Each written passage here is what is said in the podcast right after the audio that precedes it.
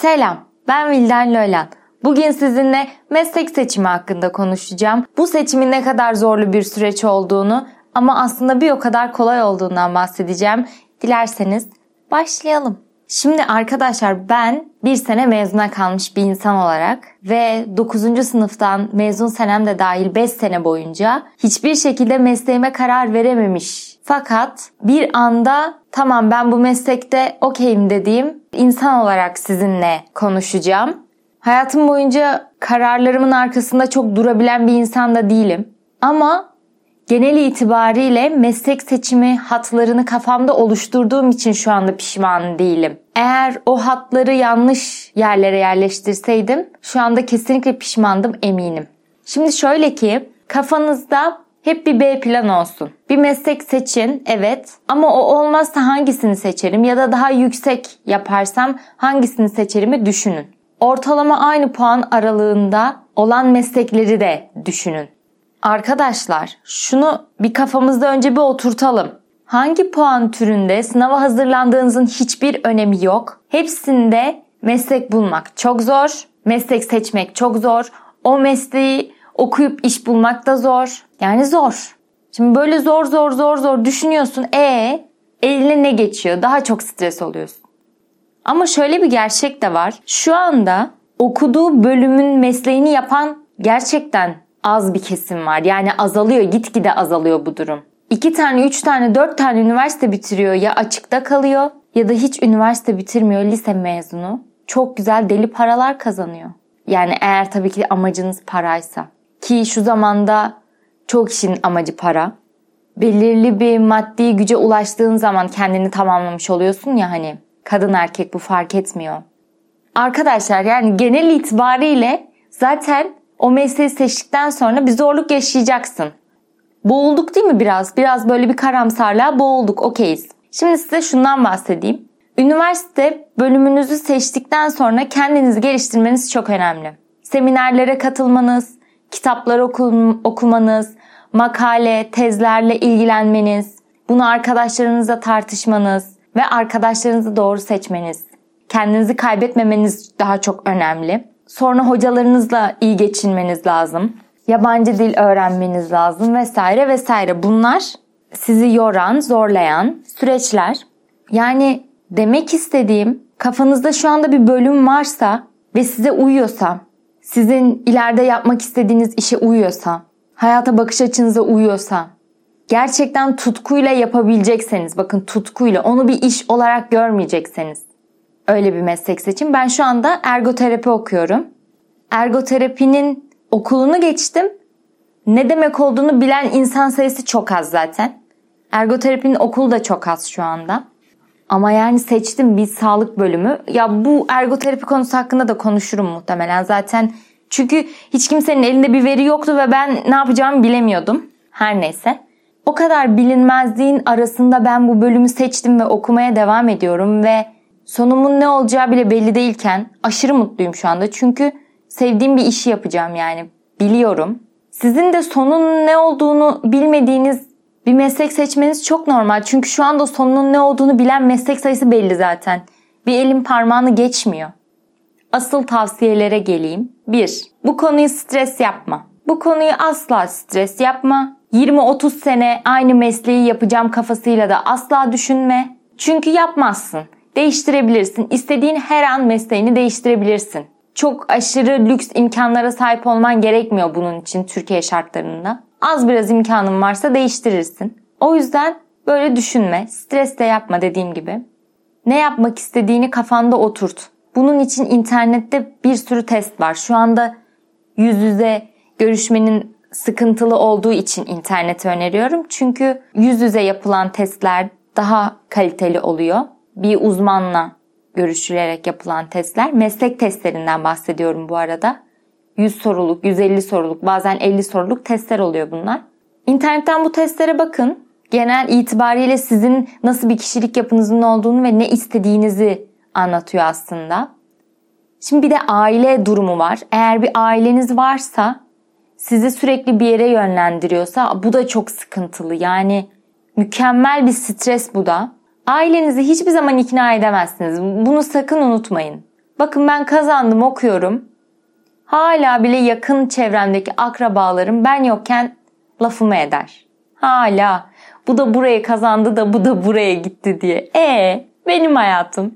Boş verinsenize ya sizin hayatınız. Senin yaşadığın her akşam üzüntüden ağladığın belki de olayları bilmeyen insanlar sizin puanınıza niye karışıyor? Ya sen zaten o test kitaplarının önünde yapamadığın soru için belki de zırıl zırıl ağladın. Dershane senin özel ders benim gezdin belki. Belki bir işte çalışmak zorundaydın ve ailene bakmak zorundaydın, kendine bakmak zorundaydın.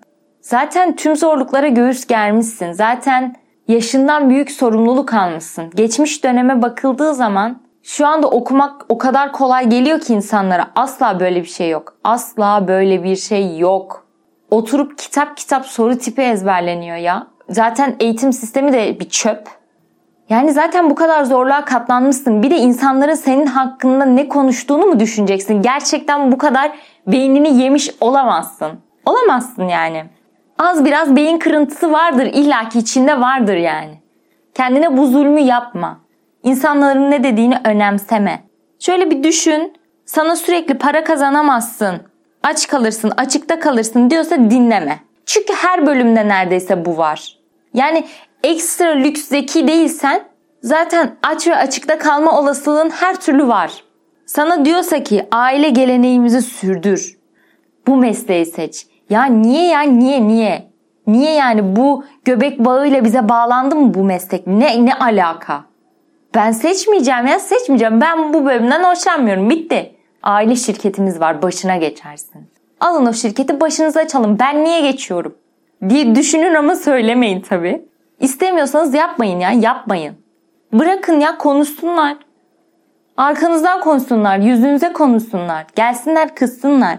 Ama bir şey istemiyorsanız istemiyorsunuzdur. Bu kadar basit. Erkek adam o mesleği seçemez. Kız kısmı o işte çalışamaz. Hoba!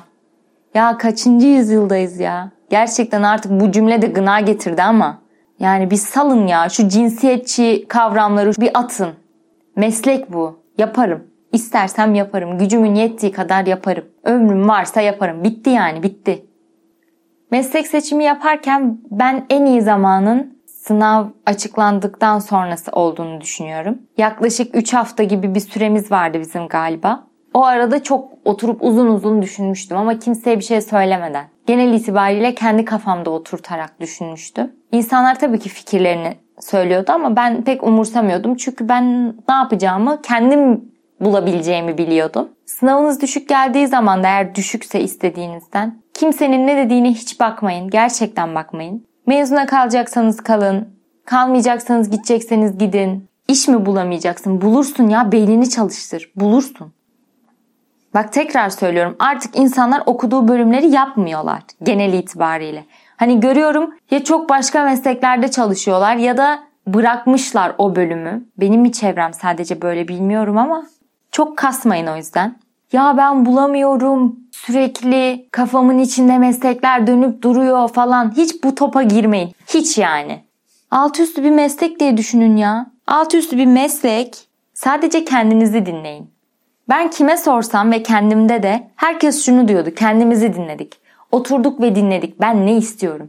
Neyden keyif alıyorum? Bakın nerede iş bulurum değil, neyden keyif alıyorumu düşünün. İşte o zaman gerçekten tüm benliğinizle bir mesleği seçmiş olacaksınız.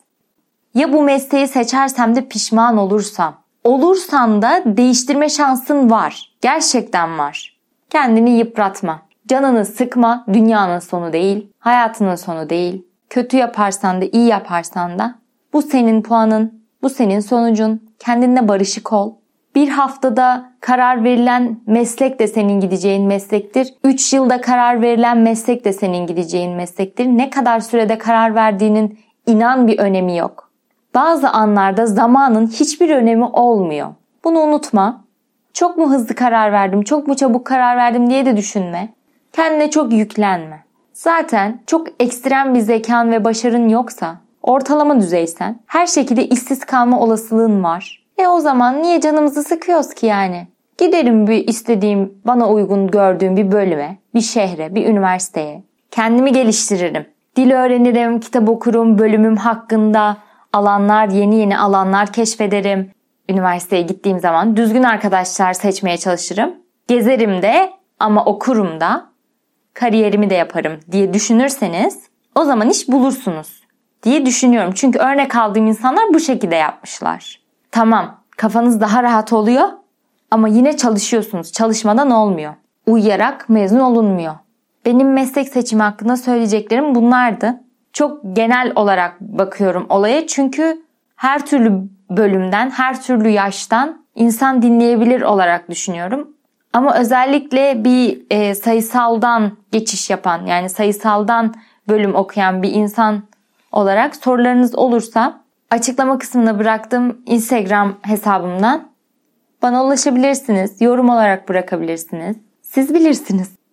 Benim söyleyeceklerim bu kadardı. Kendinize iyi bakın. Hoşçakalın.